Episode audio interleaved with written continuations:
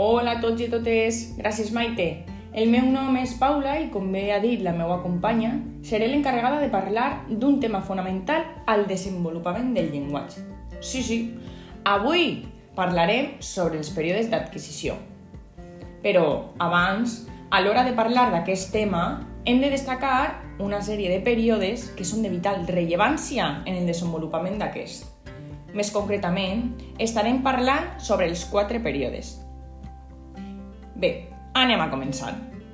El primer seria l'etapa prelingüística, que sol donar-se durant el primer any de vida i que fa referència al desenvolupament dels sons que compondran el llenguatge i la comunicació gestual, com per exemple serien els plors, balbotets i les primeres vocals diferenciades, com la A, la E o la I.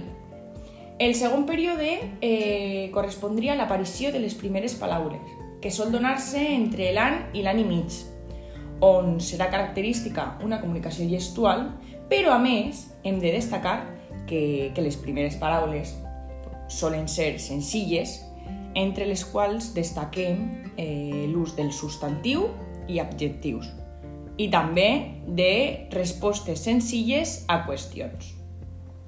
Per altra banda, eh, al llarg de l'any i mig, dos anys aproximadament, el llenguatge es desenvolupa i apareix la etapa de les dues paraules. Les primeres combinacions de paraules són conegudes com a parla tele telegràfica. Què és la parla telegràfica?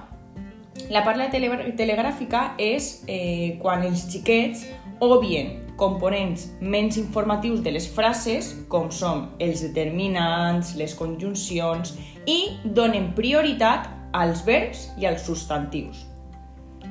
Per a, la, a la següent etapa, que és la de l'etapa de les construccions de frases simples i compostes, eh, el vocabulari augmenta i les frases es presenten de manera més complexa i extensa. A més, és important eh, destacar que al llarg d'aquesta etapa es comencen a dominar aspectes gramaticals com preposicions, nom, i per, nom persona i temps dels verbs, gènere i nom dels adjectius i substantius, i a més apareixen els articles. Pel que, en concloure aquesta etapa, ja seran capaços de formar frases més complexes i pròximes al llenguatge d'un adult. I ara bé, després d'haver parlat d'aquests eh, quatre períodes tan rellevants, m'agradaria concloure destacant que totes aquestes etapes són un factor fonamental en el desenvolupament del llenguatge. I a més, a partir d'aquestes es poden destacar i així poder treballar aquelles dificultats que fan més complexes l'adquisició de la llengua.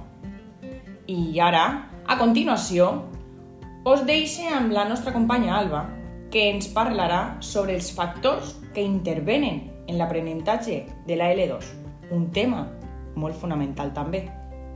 Gràcies per escoltar-nos i fins prompte.